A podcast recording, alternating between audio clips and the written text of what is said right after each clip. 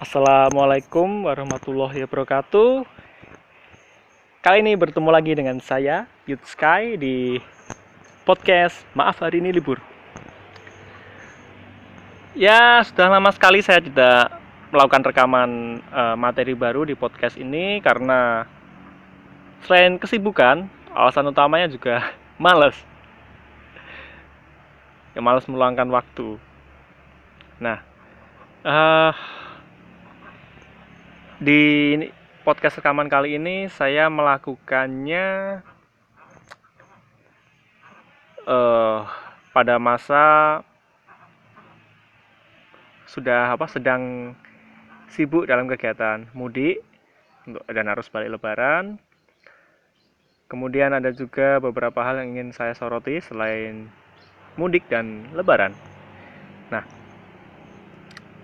untuk rekaman podcast kali ini saya melakukannya di situasi dan kondisi yang berbeda daripada biasanya. Kali ini saya melakukannya di kebun ya, kebun dengan ada ya di sana ada mentok rombongan kelinci ikan dan juga orang berlalu lalang di pinggir jalan. Oke ini saya menikmati sekali suasana di sini masih desa sejuk sekali di Karanganyar. Nah oke uh, saya ingin bicara terlebih dahulu tentang perihal tradisi tahunan di Indonesia yaitu adalah tentang migrasi massal terbesar ketiga di dunia selain dari India dan Cina sana yaitu adalah tradisi mudik dan arus balik lebaran. Yeay. Ya. Nah, di di musim mudik kali ini di tahun 2018 ini saya amati sih Oke, ada beberapa peristiwa tragis, tapi ada juga beberapa peningkatan positif, seperti menurunnya korban jiwa di tahun ini, kemudian mudiknya juga makin lancar dengan banyak sarana baru seperti tol baru, kemudian pelayanan dari PT Kereta Api dengan mudik gratisnya. Kemudian ada juga yang saya amati itu uh, kalau nggak salah ada dua atau tiga tragedi tenggelamnya kapal itu yang menyedihkan ya satu di Danau Toba satunya di ah, mana sih Indonesia Tengah itu? Ya itulah agak lupa saya. Nah secara keseluruhan saya lihat sih secara fasilitas secara kemudahan di arus mudik dan balik lebaran kali ini tahun 2018 lebih baik daripada tahun-tahun sebelumnya. Terutama dengan penambahan beberapa ruas jalan di Pulau Jawa ya. Itu mulai terasa saya rasakan sendiri benar-benar mengurangi. Karena saya dari uh, pas mudik dari Pati ke Karanganyar itu jalanan lebih lengang. Karena saya juga lewat tol saya ngerti rasanya. Enak juga lewat tol itu walaupun memang berbayar. Jadi anda bisa pilih anda mau menghemat uang atau menghemat waktu itu terserah ya nah uh, sebetulnya dari dulu sih ada salah satu tips untuk mudik atau lebaran atau bahkan juga liburan. Tips mudik dari saya adalah satu mudiklah sebelum sebelum arus mudik dimulai dan baliklah setelah arus balik selesai. Udah titik. Itu pasti enak karena jalanan nggak terlalu rame jalanan normal seperti biasa. Tapi tentu saja tidak semua orang bisa melakukan itu karena setiap orang punya kesibukan masing-masing ya. Nah di mudik kali ini saya menyoroti juga bahwa mudik itu tidak jadi alasan. Liburan itu liburan itu tidak jadi alasan untuk tidak produktif. Bagi sebagian orang memang ada yang walaupun entah itu libur atau enggak, mereka tetap harus bekerja seperti biasa. Orang-orang di bidang transportasi, kemudian di bidang logistik sembako misalnya penjual kemudian di bidang kesehatan dan juga hiburan. Mereka dilarang berlibur. Karena mereka adalah kebutuhan dasar manusia ya termasuk hiburan juga termasuk kebutuhan dasar karena kalau mereka juga libur nanti hei siapa yang akan melayani para pelibur orang-orang yang berlibur itu kalau mereka membutuhkan. Oke, ngerti dari sini kan? Nah, tapi di satu sisi ini juga saat walaupun kita bekerja ada saudara kita yang bekerja, keluarga kita yang bekerja di hari liburnya, seperti misalnya dia perawat, atau dia jualan di pasar, ya kita harus menghormati pilihan dia. Jangan menyalahkan kalau dia nggak bisa libur, ya jangan disalahkan karena masyarakat banyak juga membutuhkan orang-orang seperti itu di hari libur. Nah, uh, saya ingin bicara juga tentang kebiasaan baru masyarakat ya dalam beberapa tahun terakhir ini. Salah satunya ini disebabkan oleh perkembangan teknologi. Sekarang akses internet makin mudah, makin murah, bisa didapat dari mana saja, dan hal ini menyebabkan menyebabkan kadang orang itu dia berkumpul berkumpul dengan saudaranya berkumpul dengan temannya eh malah asik main gadget sendirian nah jadi saran saya kalau sedang kumpul-kumpul dengan teman saudara gadgetnya ditaruh dulu. Urusan gadget bisa diurus nanti.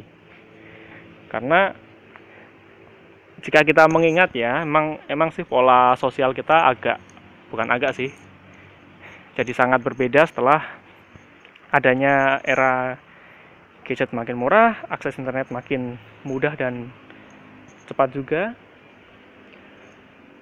orang jadi jarang bersosialisasi secara nyata mereka merasa lebih nyaman bersosialisasi di dunia maya seperti mereka bisa melakukan apa yang tidak bisa dilakukan di dunia nyata. Alter ego mereka bisa lebih terekspos. Nah, uh, di sini juga terkadang orang lupa bahwa ya seperti kita tahu lah, sehebat apa pun temanmu, sehebat apa pun saudaramu, nanti kalau ada apa-apa itu ya yang bisa membantu adalah orang terdekat kita, tetangga kita, sebelah rumah kita. Jadi janganlah jadi orang yang antisosial. Kamu sibuk sosialisasi di wow sampai pindah kecamatan lah, pindah kota atau bahkan pindah negara. Punya teman di sosmed, di dunia maya, orang-orang hebat, saudara hebat, berkuasa, tapi kamu nggak pernah bersikap ya bersosialisasi dengan baik dengan tetangga sebelah rumahmu. Nanti kalau kamu sakit nggak ada orang yang bisa menolong bukan orang-orang yang jauh dari sana, tapi yang paling dekat. Nah, kemudian yang saya soroti juga di menjelang akhir bulan Ramadan, umat Muslim dianjurkan untuk memperbanyak, memperdalam ibadahnya untuk mengejar malam Lailatul Qadar. Nah, di sini pun yang saya amati sebenarnya kalau ini nggak ada pengaruhnya dengan era informasi juga, nggak ada pengaruhnya dengan gadget, internet, online shop, nggak ada pengaruhnya. Tapi memang dari dulu saya amati orang itu lebih sibuk mengejar orang lebih sibuk mengejar Lailatul Obral daripada Lailatul Qadar. Ya atau ya? menjelang akhir bulan Ramadan mall-mall pusat perbelanjaan peh ngasih diskon gede-gedean bikin late night sale jadi orang malah di bulan malam-malam terakhir malah sibuk berbelanja kemarin saya baru sekali merasakan ini waktu nganter keluarga sih sebenarnya saya kurang setuju bisa lah belanja tuh lain kali itu setelah lebaran pun bisa nggak apa-apa. Cuma ya oke lah udah lama nggak ketemu. Di situ saya lihat tuh wah tempat parkir sampai penuh di pusat perbelanjaan. Sampai udahlah semrawut. Saya bilang nggak kayak pasar. Saya bilang kayak yo kalau di pasar kan wajar ramai penuh sesak di siang hari. Ini di malam hari yang saat harusnya digunakan untuk lebih memperdalam hubungan dengan Tuhan dengan ibadah. Malah sibuk berbelanja masjid-masjid musola sepi tapi pusat perbelanjaan rame. Pusat hiburan rame. Ya paradoks. Mau dibilang gimana ya? Ya itu kebiasaan sih dari kita sendiri. Mungkin ingin ah nggak usah lah nggak usah gitu kita ingin di rumah aja iktikaf atau iktikaf di masjid atau di rumah. Tapi ya namanya kadang kita kumpul dengan orang ada juga tekanan sosial juga. Dan setiap orang juga punya pikiran masing-masing ya sesekali bolehlah walaupun sebenarnya saya pun kurang setuju. Saya pun baru sekali itu merasakan late night sale di akhir bulan Ramadan. Wah gila gila gila benar-benar gila. Mending saya nyangkul di rumah daripada ikut shopping.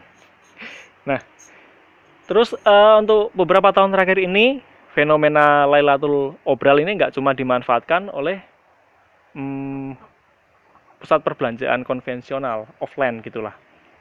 Di sini juga uh, makin maraknya teknologi makin mudahnya internet makin mudahnya gadget dan makin maraknya e-commerce mereka pun para e-commerce ini ikut-ikutan bikin event yang kurang lebih serupa dengan yang konvensional. Ada yang namanya flash sale lah, diskon sudah pasti, obral sudah pasti, cuci gudang. Mereka juga bikin seperti itu. Mirip-mirip banget dengan yang konvensional, cuma ini metodenya online. Anda bisa lihat sendiri gempuran diskon, promo menjelang akhir bulan Ramadan itu di online juga marak-marak banget. Sangat banyak sini pun kurir sampai kewalahan. Dan uh, saya kemarin ada teman dia buka agen wahana. Dia udah ngasih tahu mas wahana tutup. Ah saya lupa tanggal 6 kalau nggak salah. 6 Juni tutup ya nggak terima lagi. Apa? Hari terakhir. Oke saya udah mencatat itu. 6 Juni hari terakhir order wahana. Eh ternyata tanggal 5 pas saya ngirim paket sudah ditolak.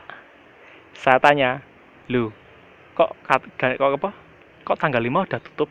Katanya tanggal 6 dia pun bilang kita juga cuma dapat dari JNE oh dari wahana pusat karena gudang mereka sudah penuh. Tidak bisa menampung pesanan baru lagi. Nah itu sampai saya pas beliin baju si bocah itu dia sampai yang jualan sampai bingung. Ini saya banyak pesanan mas. Maunya pakai wahana. Saya nyari deket sini yang langganan sudah pada tutup yang di Jogja kota ada nggak ya yang masih buka? Wah, saya juga bingung. Saya jelaskan saja soal kejadian yang disebut e, dijelaskan teman saya tadi itu. Dia tambah bingung. Tapi untuk untuk lebaran itu yang beroperasi full masih JNE dan JNT ya. Walaupun nggak full sepenuhnya beroperasi, tapi mereka masih menerima order. Kalau untuk pengiriman mereka menunda sampai H plus 3 lebaran kalau nggak salah ya karena di menjelang lebaran sampai beberapa hari setelah lebaran kan ada larangan dari pemerintah untuk kendaraan-kendaraan besar seperti truk, bis, tronton untuk berkeliaran di jalanan. Sudah tentu nih kayak kurir kan mereka kalau dari e, pusat misalnya ke daerah kan pakai truk-truk gede gitu kan. Jadi kemungkinan mereka nggak tahu juga saya caranya entah mereka emang sengaja libur sampai aturan itu selesai atau mereka pakai uh, kendaraan kecil mereka seperti van itu ya yang sering dipakai untuk putar-putar keliling-keliling ke desa dan kecamatan. Nah, uh, kalau saya lihat, saya amati beberapa tahun terakhir dan ini di ditambah juga dengan informasi yang saya dapat dari Tokopedia ya mereka mengeluarkan sebuah report penjualan di selama bulan Ramadan itu terjadi peningkatan peningkatan jumlah orang berbelanja online yang sangat masif. Bahkan order pada tanggal 25 Mei di Tokopedia ya, itu sama dengan 5 tahun perdana Tokopedia. lima tahun pertama Tokopedia beroperasi itu jumlah perputaran uangnya sama ini baru Tokopedia bukan belum yang lain. Di sini kita jadi melihat bahwa uh, ternyata perputaran online itu kencang sekali uangnya. Modalnya kencang sekali. Jadi jika ada yang bilang perputaran apa perekonomian Indonesia turun saya kok jadi merasa gimana? gitu. Jadi merasa bener nggak sih perekonomian Indonesia ini turun? Kok datanya makin tumbuh gini? Wong saya juga jualan itu yo yang di market lokal juga meningkat.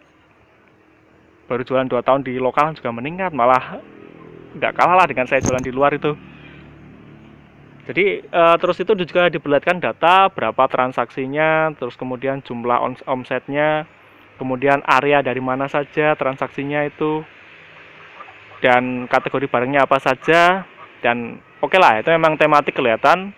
Kalau barang-barang yang dijual menjelang menjelang lebaran tuh ya oke lah kayak baju fashion terus kurma itu meningkat itu yang mendominasi. Tapi di situ pun ternyata yang kalau kita mau jeli menjelang libur seperti itu atau dalam hal ini menjelang lebaran yang laris tuh bukan cuma kurma. Bukan cuma perlengkapan ibadah bukan. Hal yang terkait dengan mudik dengan gengsi dengan gaya hidup juga naik. Seperti misalnya HP aksesoris HP fashion baju selain baju gamis dan sebagainya ya. Kemudian ada, ada juga yang lain adalah saya juga jualan saya itu secara hubungan tuh nggak ada hubungan langsung dengan lebaran. Tapi juga kenceng. Ada lah itu. Nggak saya buka di sini. Tapi ada itu meningkat pesat sekali. Nah kemudian di sini saya juga mengamati bahwa sebenarnya kalau apakah dibilang ini peran pemerintah meningkatkan perekonomian kalau saya bilang enggak sih ini emang karena kemajuan teknologi saja sih. Peran pemerintah belum begitu terasa. Dalam hal ini kan pemerintah mengejar eh, apa namanya? Istilahnya infrastruktur kan. Tapi yang saya lihat kalau cuma digenjot infrastrukturnya yo nggak akan secepat ini, itu jangka panjang. Yang bisa buat perkembangan cepat ini ya memang perkembangan teknologi dalam beberapa tahun terakhir kita sudah lihat lah perkembangan teknologi itu bisa merusak sekaligus membangun. Merusak dalam artian kita ambil contoh seperti Gojek. Gojek online lah, dia merusak tatanan baku atau tatanan kenyamanan dari para pelaku ojek dan taksi konvensional, tapi di sisi lain dia juga membangun perekonomian dengan memberikan banyak lapangan pekerjaan pada orang untuk jadi ojek online bahkan juga untuk pijat ya dengan go message dan juga apa itu makanan. Itu juga meningkat pesat. Bahkan sekarang kita temui banyak banget rumah makan yang mereka cuma jualan tuh di tempat yang nyelempit sulit dicari kecil banget. Tapi tiap hari wah rame banget omsetnya tinggi setiap hari yang datang tuh Gojek, Gojek, GoFood, Grab, Ojek atau apalah. Sedangkan rumah makan yang gede dia bangun dengan modal besar, kinclong, keren, ternyata sepi peminat. Di sini saya merasa bahwa persaingan pun menjadi lebih berimbang antara pemodal besar dan pemodal kecil. Antara pemilik warung besar dengan warung kecil itu pun bisa berimbang. Selama mereka pintar memanfaatkan apa teknologi selain kualitas masakannya emang enak ya mereka mereka pun bisa tetap mendapatkan keuntungan besar tanpa harus menyewa lokasi atau mengeluarkan modal besar untuk tempat. Mereka bisa fokus ke kualitas makanan yang mereka miliki. Dan di sini pun ya untuk pemain online pun sama juga untuk yang apa itu jualan. Sekarang orang pun sepertinya makin lama makin males kok belanja keluar karena mungkin kalau saya rasakan sendiri ya macetnya itu sih. Macetnya udah bikin males. Kayak saya di Jogja tuh ada gila macetnya bikin gila. Saya rasakan sendiri aja kadang orang tuh beli di saya atau istri saya juga jualan. Barang yang sebenarnya tuh ada di banyak tempat ada di toko tapi mereka memilih belinya online ya mungkin alasannya ya mungkin karena udah males lah aku di rumah aja dari HP lihat cek cocok beli oke. Okay. daripada aku menembus kemacetan bla bla bla waktuku terbuang emosi tenaga pikiran. Mending belanja online aja dan itu juga peluang. Saat kita punya produk ya mau nggak mau kita harus menyasar juga di main online juga. Nggak bisa hanya mengandalkan offline. Mengandalkan online juga apa online saja juga nggak kurang bagus lah tetap offline-nya juga ada formalitas mungkin nah di sini saya pun mengamati orang itu kok gimana ya?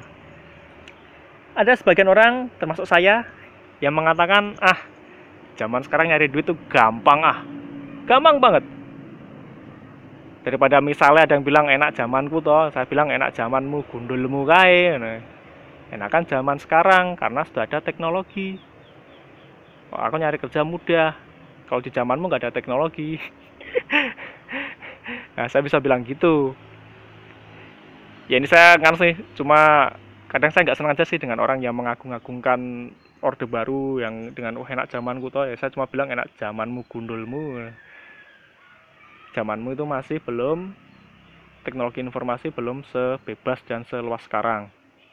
Semua masih bisa kamu kontrol dan nggak seluas sekarang lah. Sekarang kalau kita bicara hal lain pun ya semacam informasi pun kalau zaman dulu kan zaman orde baru kan sangat-sangat dikontrol ketat. Bahwa apa informasi yang keluar harus di tahap ditampung oleh pemerintah disaring. Nah kalau zaman dulu sudah ada internet seluas ini semudah ini saya yakin pun kebobrokan zaman orde baru pun akan muncul sangat banyak sekali lebih banyak dari sekarang. Maksudnya lebih banyak daripada yang diketahui sekarang. Karena kalau zaman sekarang kan orang bisa sharing informasi ada hal apa pun langsung wah lemparkan ke media sosial viral udah. Langsung disorot kinerja pemerintah. Sejak dari era SBY sampai apalagi Jokowi ini dengan semakin maraknya gadget wah pemerintah salah dikit sorot. Coba zaman orde baru ada internet yang murah dan mudah.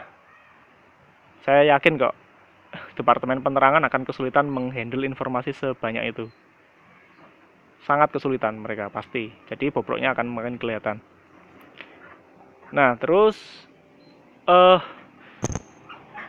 kenapa saya bilang makin mudah? Kalau dulu di zaman Orde Baru itu ya karena mungkin lebih ke karena perkembangan teknologi juga. Jenis pekerjaan konvensional orang bekerja orang mindsetnya masih bekerja harus apa namanya harus punya modal besar juga kalau mau usaha kalau di era sekarang enggak karena ada kemudahan informasi kita mau belajar juga gampang dan mudah Nah, yang saya herankan di era sekarang masih banyak orang yang mengeluh cari pekerjaan susah. Sementara saat kita tawarkan, oke, okay, kamu punya HP, sudah. Kamu punya internet, sudah. Saya ajari caranya cari duit dari internet. Mau nggak? Mayoritas orang bilang nggak mau. Mereka maunya, oke, okay, saya daftar ke kamu, saya kerja jadi karyawan kamu, saya dapat gaji. That's it. Udah. Mereka nggak mau diajari mereka inginnya dapat ikannya saja mereka nggak mau diajari caranya mancing padahal mereka bisa mendapatkan lebih jika mereka mau bekerja keras terlebih dahulu untuk belajar ini yang ditetap, diterapkan di tempat teman saya ya itu banyak sekali katanya saudaranya tetangganya temannya datang mau minta kerja ke dia. Dia ngomong maaf saya nggak mau nerima karyawan dari teman saudara atau tetangga. Tapi saya mau ngajari sam mereka sampai bisa. Saya nggak mau memperkerjakan mereka. Saya ingin mereka jadi mitra saya. Atau kalau enggak paling enggak mereka saya ajari caranya supaya mereka juga bisa nyari uang sendiri nanti kalau mereka besar nanti mereka bisa ngajari ke orang lain juga atau mereka bikin lapangan pekerjaan baru lagi itu ide yang sangat-sangat oh keren juga sih Terlebih kalau kita memperkerjakan orang yang akrab, apalagi saudara, kalau ada masalah, wah, urusannya akan sangat sulit. Nah, oke terus di biasalah di musim mudik kali ini Lebaran tuh harga sembako pasti naik. Maka yang saya katakan jangan protes. Kenapa bisa naik? Ya itu murni karena hukum permintaan dan penawaran. Tak ada hubungannya dengan unsur politis, nggak ada. Karena apa? karena di saat orang-orang juga liburan banyak orang liburan yakinlah banyak para penjual dan produsen mereka tuh juga sebenarnya ingin libur karena mereka juga ada sanak saudara mereka pengen kumpul keluarga mereka ingin ketemu teman ya mereka ingin libur jadi wajar lah mungkin dari 100 orang yang di pasar katakanlah. Mungkin ah kalau anda lihat pasar sendiri waktu lebaran kan sepi. Itu mungkin katakanlah 50 persennya 50 orang memilih libur. Tinggal tersisa 50 penjual. 50 orang yang mau mengorbankan waktu dan tenaga mereka ya mungkin ada juga yang oportunis juga sih oke okay. tapi intinya mereka mau memanfaatkan waktu apa mengorbankan waktu dan pikiran dan tenaga mereka mereka nggak ikutan libur nah itu harus dihargai walaupun memang mereka kadang menaikkan harganya karena katakanlah itu adalah harga yang harus kita bayar karena mereka mau mengorbankan waktu mereka, tenaga mereka. Nah, jadi saat seperti itu kan penjualan, oh eh, apa namanya, pembeli kan naik berkali-kali lipat. Karena orang yang libur nggak mau kerja itu mereka juga ingin berbelanja. Sementara penjualnya banyak yang ikutan libur, jadi wajar dong harga naik. Karena itu kita belum bicara tentang stok ya, misalnya dari produsen. Atau katakanlah, katakanlah kalau untuk sembako dari para petani itu. Mereka juga banyak yang libur juga. Para peternak itu juga banyak yang libur. Jadi stok barang yang ada pun menipis. Permintaan sementara meningkat dengan pesat dan saya kadang itu kalau ada orang yang protes ah sembako naik salah pemerintah. Ini naik salah pemerintah. Saya tuh gemes kalau orang seperti itu. Seperti kayak kemarin ada yang bilang sembako naik ini salahnya Jokowi ini alah bla bla bla. Saya bilang sih bullshit. Saya cuma nanya lah situ mau nggak jualan sembako? Situ mau nggak bertani? Karena bertani itu tidak segampang jadi pembeli. Jualan itu tidak segampang jadi pembeli. Jadi pembeli kamu ada duit oke okay lah rampung tapi kalau kamu jualan kamu masih harus mikir ah ngurusin stok ngurusi karyawan ngurusi barang dan sebagainya ribet. Kamu bertani atau berternak masih mikir ngurusin ini nanti dari kecil sampai besar siap panen kapan itu pun kalau nggak terserang hama atau penyakit. Ribet itu nggak bisa dibeli dengan uang. Waktu itu waktu-waktu dia menanam itu yang berbulan-bulan itu nggak bisa dibeli dengan uang. Jadi jangan menyalahkan pemerintah itu juga kitanya sendiri aja lah masyarakat sekitar itu yang memang makin minim yang mau jadi petani termasuk saya. Jadi sebelum menyalahkan pemerintah ya lihat dulu lah emang apakah apakah itu bisa? 100% disiplin terhadap diri sendiri secara konsisten. Terus emang sudah berapa persen sih resolusi awal tahun yang tercapai? Nah mengurus diri sendiri saja kok masih kewalahan. Menghandle diri sendiri saja masih nggak bisa konsisten. Sudah menyalahkan pemerintah. Itu seperti sebuah lawaan yang sangat lucu bagi saya. Oke. Itu ya segmen saya pertama tadi tentang libur lebaran di tahun 2018 ini. Ya sekarang saya juga ingin ngobrol juga ya di bulan ini pun ada event menarik, menarik lainnya yaitu adalah E3 2018 Electronic Entertainment Expo 2018 buat kamu yang belum tahu nih ya E3 itu adalah sebuah event besar yang biasanya diisi oleh game. Event game yang sangat besar yang biasanya diisi dengan uh, seperti berita-berita tentang game-game terbaru atau rilis game terbaru, teaser, promosi, itu semua ada di situ. Kadang developer-developer mengumumkan game-game yang akan mereka rilis itu di situ. Game apa yang mereka kembangkan juga dirilis di situ beritanya. Jadi sangat wajar event ini sangat ditunggu-tunggu oleh banyak penggemar game. Nah, di E3 2018 ini ada beberapa informasi atau game yang menarik perhatian saya. Saya lihat tuh memang saya cuma nggak datang ke sana sih, cuma lihat beritanya di YouTube itu rilisnya, oh gila gila ada game ini, oh ada ini ada juga yang ah apa sih ini. Oke, nah beberapa itu yang menarik adalah ini saya sebutkan nggak urut ya, nggak urut secara runut mana yang paling menarik karena itu susah sekali. Hanya saat kamu melihat ini info ini ya siap-siap saja kamu akan berpikir oh kapan saya mulai nabung ini kalau kamu pakai bisi waduh recruitmentnya apalagi nih yang harus saya upgrade itu bisa dimulai dari saat ini.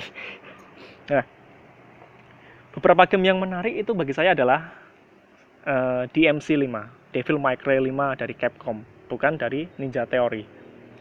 Di DMC 5 ini Capcom menyatakan ini akan menjadi semacam penutup penutup dari apa saga atau cerita Devil May Cry dari Devil May Cry 1, 2, 3, 4 maka penutupnya adalah di 5 ini.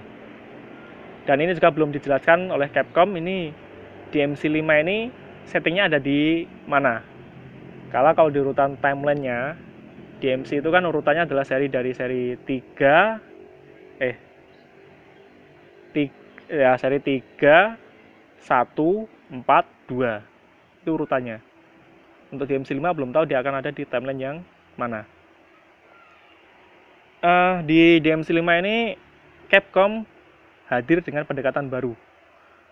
Pendekatan secara paling tidak yang saya dapat, yang kita bisa lihat ada dari visualnya yang sangat-sangat realistis. Berbeda dengan DMC 5 yang bagus, tapi itu seperti membuat uh, karakter anime, gaya anime ke dunia nyata. Sedangkan yang DMC 5 ini benar-benar dipotret seperti uh, karakter realis manusia di dunia nyata Nah, di DMC 5 ini dia menggunakan RE engine. Engine yang sama persis yang digunakan untuk membuat Resident Evil 7. Sangat realistis. Walaupun memang kalau lihat komen-komen di YouTube dan saya juga lihat sendiri ada kesan aneh. Karena seperti di video diperlihatkan tokoh Nero. Nero di sini sangat realistis dan saking realistisnya tuh malah kesannya aneh.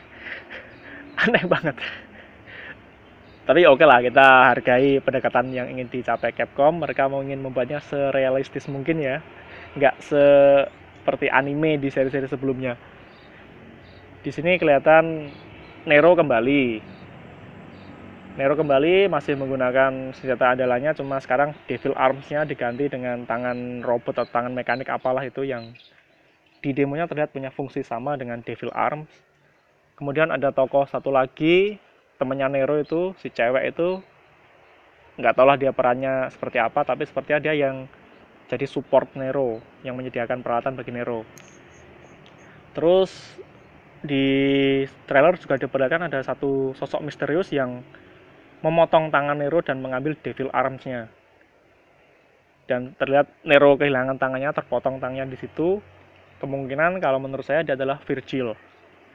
Virgil. Kemudian di akhir trailer ada satu sosok yang naik motor ngebut dengan teriakan khasnya. Yuhu! Bagi penggemar DMC pasti sudah familiar dengan suara itu. Dan memang Capcom belum menjelaskan siapa dua karakter tadi itu. Yang satu saya kira Virgil dan satu lagi ya kita bisa kira-kira mungkin kemungkinan besar dia adalah Dante. Dengan polanya yang tetap ya seperti itulah. Tapi saya agak kecewa juga pas saat di zoom zoom in wajahnya si Dantenya ini kelihatan berbeda sekali. Bukan berbeda karena Dantenya terlihat realistis bukan. Tapi secara desain sekilas terlihat sangat berbeda. Kalau biasanya kita kenal Dante itu karakter yang stylish keren rapi kincling gitu di sini kok dia kelihatan agak dekil gitu loh. Agak brewokan nih brewoknya juga nggak rapi gitu loh kok wah kok, kok Dante-nya nggak keren gini sih kalau menurut saya. Tapi ya kita belum tahu karena ini masih rilis perdana kan. Seperti dulu di MC4 pun pas trailer pertama itu ternyata hasilnya sangat-sangat berbeda dengan versi finalnya. Oke. Kemudian untuk selain DMC ada juga yang lain yaitu adalah Resident Evil 2 Remake. Masih dari Capcom. Dan masih menggunakan RE Engine di sini uh, Capcom mengatakan bahwa mereka memang mengambil cerita yang sama dengan Resident Evil 2 versi PlayStation 20 tahunan yang lalu. Masih menggunakan cerita yang sama. Dan hebatnya di sini Capcom tidak hanya mendandani dari segi visualnya yang memang terlihat sangat wah keren banget lah. Keren banget, realistis. Tapi juga Capcom memperbaiki uh, dialognya menjadi lebih lebih hidup voice actingnya lebih mantap dan ekspresi wajahnya juga lebih mantap ya terima kasih dengan teknologi motion capture. Oke. Okay. lebih hidup dan di sini pun saya melihat dari demo gameplaynya yang dirilis di beberapa media besar yang mendapatkan kesempatan menjajalnya untuk demonya itu ini seperti sebuah game lama tapi baru.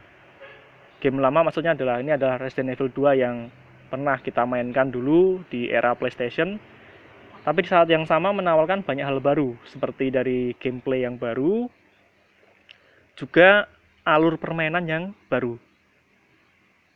Bagi para veteran Resident Evil 2 seperti saya saya merasa bingung juga. Bingung maksudnya adalah loh ini kan biasanya ke sini kok bisa ke situ? Loh ini kan harusnya ke sini ternyata kok ke situ? Jadi Capcom memang sengaja merubah beberapa alur permainannya.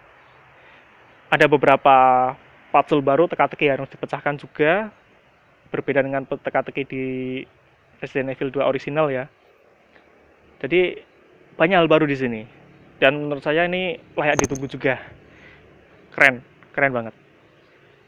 Kemudian ada juga Sekiro Shadow Die Twice. Dari From Software developer seri Souls dan Bloodborne. Nah di sini eh, Hidetaka Miyazaki mengatakan bahwa mereka memang ingin terkenal sebagai developer yang terkenal dengan beberapa game berkualitas bukan hanya yang terkenal dengan satu genre saja. Dan memang diakui dalam beberapa tahun terakhir, From Software lebih terkenal karena genre Souls yang mereka ciptakan itu. Nah, di sini pun di Sekiro ini saya lihat juga masih terlihat terasa sekali cita rasa Souls-nya. Tapi memang Hidetaka pun ngomong dia mengembangkan game lain yang sama sekali nggak ada kaitannya dengan Souls yang berbeda banget. Nah, yang di Sekiro ini dia mengatakan memang masih seperti Souls. Cuma perbedaannya dengan Souls dan apa Souls Demon Souls ah ini apa sih? Oke, perbedaannya dengan seri Souls dan juga Bloodborne adalah di settingnya. Kalau di Demon Souls terus kemudian apa? Ah, Souls apa jadi lupa saya. Oke, di seri Souls tuh masih di medieval kesannya zaman kesatria gitu. Kemudian apa namanya di di Dead Soul sama Demon Soul kan di kesannya medieval. Kemudian di Bloodborne itu kesannya gotik gitu. Nah di Sekiro ini di zaman Jepang feodal Jepang. Zaman samurai. Dan di sini pun Hidetaka mengatakan bahwa dia memberikan dua pendekatan yang berbeda dalam menyelesaikan game ini. Yang pertama adalah dengan pendekatan efisiensi. Musuh A polanya gimana dia lemah dengan senjata A apa senjata apa? Ya gitulah pendekatannya. Kemudian yang pendekatan yang kedua adalah pendekatan dengan cita rasa souls yaitu adalah pendekatan frontal head to head yang tentu saja bisa bikin kamu frustasi dan tenang saja jangan khawatir Hidetaka Miyazaki mengatakan seri ini lebih sulit dari Souls oke okay? tidak ada tingkat kesulitannya nggak ada pilihan tingkat kesulitan oke okay? oke okay, cukup menantang bagi kamu atau membuatmu ngeri karena kita tahu sendiri seri Souls dan Bloodborne itu susahnya minta ampun dan benar-benar menguji kejelian dan kesabaran para gamer juga controller bisa-bisa karena banyak juga yang katanya sampai frustasi sampai membanting kontrolernya. Ah ini pun lebih sulit katanya jangan khawatir. Oke kemudian ada juga Soul Calibur 6 yang ini nggak ada hubungannya dengan Demon Souls atau atau Dead Souls yang tadi. Ini nggak ada ini dari Bandai Namco. Soul Calibur 6 ini adalah masih game tentang pertarungan game fighting bersenjata dari developernya apa developer Bandai Namco ini. Kemarin di E3 sudah ada beberapa demo yang bisa dimainkan. Masih dengan karakter yang sedikit sih. Tapi oke okay, secara visual makin keren kemudian ditambahi juga dengan uh, compact mekanik ya saya menyebutnya itu. Seperti di Tekken 7 yang telah mereka terapkan di Tekken 7 dengan jurus-jurus super yang mudah diakses dan pendekatan game fighting di era-era sejak Street Fighter 4 ya pendekatannya adalah game yang mudah mudah untuk dimainkan tapi sulit untuk dikuasai. Jadinya itu untuk mencari keseimbangan antara para pendatang baru dan pemain veteran. Oke di Soul Calibur 6 pun juga sama.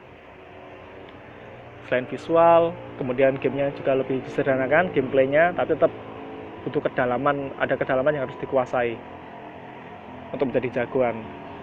Kemudian ada juga game Days Gone. Oke ini game yang keren. Ini game tentang survival zombie survival zombie dan zombie di sini sangat sangat lincah dan terorganisir. Dan ini pun kalau saya lihat dari rekaman gameplaynya di YouTube dapat dikatakan tingkat kesulitannya adalah susah. Kita harus berpikir taktis di sini dan susah oke cukup menantang ya kemudian ada juga uh, The Last of Us Part 2 lanjutan dari The Last of Us di PS3 yang disebut sebagai game yang punya cerita yang sangat-sangat hebat sekali, sangat fenomenal game yang punya kekuatan cerita yang sangat-sangat kuat lah. Di sini kelanjutan beberapa tahun setelah kejadian di The Last of Us Part 1 ya. Saya belum pernah memainkan game ini, saya juga belum selesai nontonnya di YouTube. Tapi oke okay lah, cukup menarik walaupun ada beberapa yang agak saya kecewakan ya. Kemudian ada juga COD Black Ops 4. Di sini tidak seperti biasanya, Call of Duty ini membuang uh, mode single playernya. Yang bagi sebagian penggemarnya itu adalah mode yang sangat menarik karena mereka punya kekuatan meramu sebuah cerita yang sangat menarik seperti layaknya film-film Hollywood kelas atas, film action Hollywood kelas atas. Itu dihilangkan di sini. Ini full game multiplayer. Saya nggak tahu uh, bagaimana dengan pendekatan yang dilakukan oleh developernya ini apakah akan berhasil atau tidak kita belum tahu. Kemudian ada juga game yang uh, ini gimana? Saya susah menjelaskannya. Game dari maestro video game yang kalau dalam dunia film dia mungkin setingkat dengan Steven Spielberg. Ya dia adalah di Hideo apa? Kojima. Hideo Kojima dari Kojima Production. Setelah di dipecat oleh Konami yang karena alasan yang kontroversial dan politis, dia membuat sebuah eh, studio baru dengan nama Kojima Production. Namanya sendiri ya dia pakai, narsis juga tuh orang. Kemudian dia digandeng oleh Sony untuk mengembangkan sebuah game dan di sini dia menjadi sebuah studio independen. Jadi dia bebas mau melakukan apa pun yang dia inginkan. Berbeda dengan saat di Konami yang di terakhir dia mengerjakan Metal Gear Solid 5 di mana yang manajemen baru kala itu tidak suka dengan cara dia bekerja karena boros dan menghabiskan banyak waktu. Oke, okay. uh, eh, saya nggak akan membahas tentang Metal Gear 5-nya ya, tapi lebih ke game fenomenal yang akan dia keluarkan yaitu Dead Stranding. Dalam sekian tahun terakhir dia sudah mengeluarkan satu, dua, empat kalau nggak salah, empat trailer. Dan semua trailernya ini dia katakan menyimpan pesan. Tapi dia pun nggak menyimpulkan pesannya itu apa. Dan ini membuat orang penasaran. Konsep gamenya itu dia hanya mengatakan berhubungan dengan tali sudah itu saja. Ini yang membuat orang makin penasaran karena gameplaynya sendiri belum terlihat seperti apa. Nah di trailer keempat ini dia sudah memperlihatkan sudah mengatakan bahwa gameplaynya ada di segmen satu dan seg apa, segmen pertama dan segmen terakhir dari trailer itu. Itu pun saya udah nonton berkali-kali bingung ini apa? Cara mainnya gamenya nih genrenya apa? Cara mainnya gimana tuh masih aduh. Oke lah kita tahu sendiri bahwa Kojima itu pintar sekali memancing rasa penasaran publik. Seperti dulu waktu ingat masih di promosi Metal Gear Solid 2 itu yang ditampilkan di trailer di promo informasi itu tetap Solid Snake. Ternyata saat kita main gamenya ada tokoh penting yang kita mainkan sebagai karakter kedua yaitu adalah Raiden. Dan itu sama sekali nggak dia keluarkan apa pun infonya di di masa sebelum rilis. Oke kita hanya bisa bersabar seperti apa Dead Stranding ini dan sama seperti kita semua beberapa developer besar seperti Cory Balrog ya, produser dari anu God of War 4 kemudian juga yang presiden Sony Entertainment juga itu sendiri juga dia pun penasaran. Dia pun yang punya Sony pun masih bingung ini gamenya kayak apa? Dan dia pun belum pernah menyentuh demonya sama sekali. Itu masih bingung dia. Nah ini game yang sangat menarik dan membuat banyak orang penasaran seperti apa. Dan kita tahu sendiri Kojima tidak akan pernah main-main dengan kualitas game yang dia keluarkan. Kecuali di seri Metal Gear 5 yang di bagian duanya emang agak jelek karena ya tadi ada permasalahan politis di dalam kantor. Oke lah. Kemudian di sini juga kita melihat Sony masih setia mendukung developer first party mereka. Mereka masih fokus pada game-game single player yang selain punya gameplay yang menarik juga punya kekuatan pada cerita. Dan sekali dan satu lagi adalah full service. Maksudnya adalah tidak ada game yang uh, menggantung. Mereka membuatnya oke okay, game ini sudah selesai dimainkan oke. Okay. kalau ada tambahan cerita itu bisa diurus nanti. Tapi yang pasti gamenya emang sudah rampung sudah selesai sudah sempurna. Penambahan cerita hanya untuk memperkuatnya saja Nah, ini yang ternyata Xbox pun dari Microsoft pun mulai meniru langkah Sony karena mereka memang kalah telak di di persaingan konsol antara PS4 dengan Xbox One ini. Karena mereka pun kelihatan mulai meniru langkah Sony dengan ikut menggandeng beberapa developer untuk mengembangkan game-game eksklusif mereka yang kemungkinan juga akan fokus di single player. Seperti yang dilakukan Sony yang sukses membuat apa membuat PS4 sukses dengan menggandeng developer untuk membuat sebuah game eksklusif di PS4 yang punya fokus kekuatan pada single player dan cerita yang mereka tawarkan. Uh, ada juga Sony mengeluarkan game namanya yang anu Spider-Man, Spider-Man baru. Dan di PS4 ini mereka mengatakan bahwa mereka membuat game ini seperti membuat sebuah film.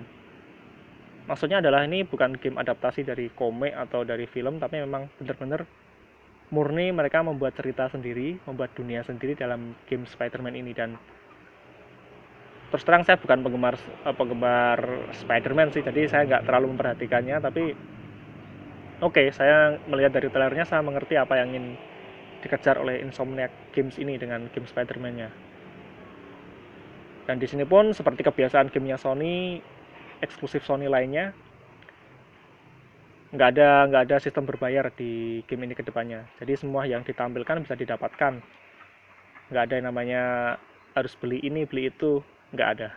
Semua bisa didapatkan dan itu yang bikin Sony sangat dicintai para penggemar PlayStation 4 karena tidak seperti di saya uh, di sebelah yang kalau misalnya oh ini ada kostum khusus ternyata harus beli ini harus beli itu. Nggak ini semua bisa didapatkan tanpa melakukan pembelian apa pun. Kemudian uh, oke. Okay. E3 sudah saya bahas. Sekarang saya akan sedikit bahas tentang event yang juga berjalan di bulan ini yaitu adalah Piala Dunia 2018 nah Piala Dunia ini berlangsung meriah seperti biasa. Bisa menjadi sarana untuk bahan pembicaraan saat kita ngumpul atau ketemu teman atau saudara saat mudik. Oke. okay dan kemudian saya lihat formasi 4-2-3-1 kembali menjadi favorit banyak tim di turnamen kali ini. Karena memang formasi 4-2-3-1 ini lebih stabil dan lebih seimbang di semua lini. Jadinya sangat cocok digunakan untuk turnamen yang biasanya hanya bermain maksimal 7 kali. Sangat-sangat efektif berbeda dengan apa namanya kayak liga atau turnamen seperti Liga Champion yang punya banyak kesempatan itu apa ada kesempatan kandang tandang di Piala Dunia yang kesempatannya satu kali main setelah babak penyisian grup formasi 4-2-3-1 ini lebih banyak dipilih karena oke lah dia menawarkan kestabilan di semua lini. Kemudian kejutan Jerman yang kalah dari Meksiko kemudian Brasil yang keteteran menghadapi Swiss karena dimatikannya Neymar.